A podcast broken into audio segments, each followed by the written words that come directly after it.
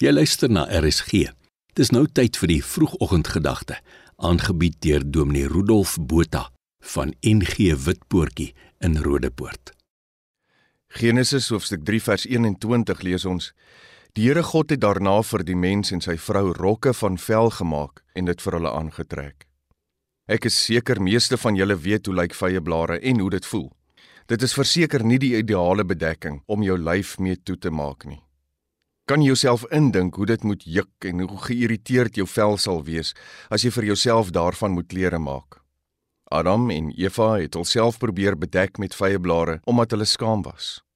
Na die gesprek met God en toe hulle uit die tuin van Eden moes uitgaan, het God vir hulle velklere gemaak. Want God het van beter geweet. God het geweet dat die velklere 'n baie beter opsie is maar die detail daarvan wat ons hier lees is nie waaroor dit gaan nie.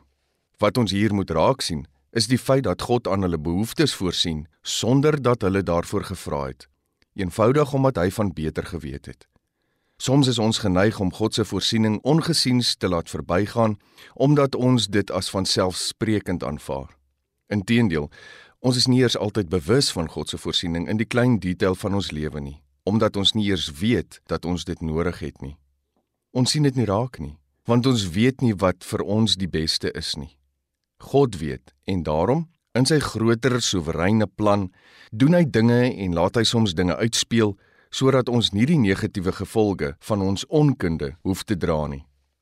Jy kan jouself indink wat die gevolge sou wees as Adam en Eva sou aanhou om vye blare te dra en hoe baie blare hulle in 'n week sou gebruik nadat dit elke keer uitgedroog het.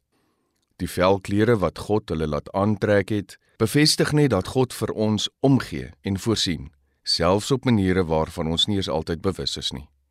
Here, dankie dat U aan ons behoeftes voorsien en vir ons sorg, selfs al weet ons nie eers dat ons dit nodig het nie, want U weet altyd van beter. Amen. Dit was die vroegoggendgedagte, aangebied deur Dominee Rudolf Botha van die NG Witpoortjie in Rodepoort.